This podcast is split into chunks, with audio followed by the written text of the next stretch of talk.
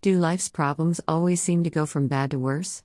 God is the only one who can reverse this downward spiral. He can take our problems and turn them into glorious victories. The first and most important stop is that we, like David, must cry out, Turn to me and be gracious to me. When we are willing to do that, God will do this work in us and in our situation.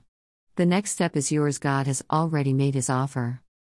Vivienne Caldwell is the author of her first book, Be Strong! Exclamation mark The Lord is always with you in her second book, When We Trust Our Own Efforts Instead of Christ's Power. Be still.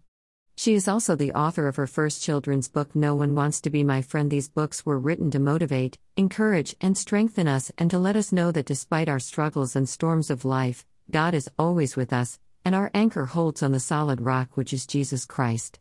Her books are now available on Amazon and Barnes and Noble, so get your copy today. Just type in her name, Vivienne Caldwell, and you will see her book.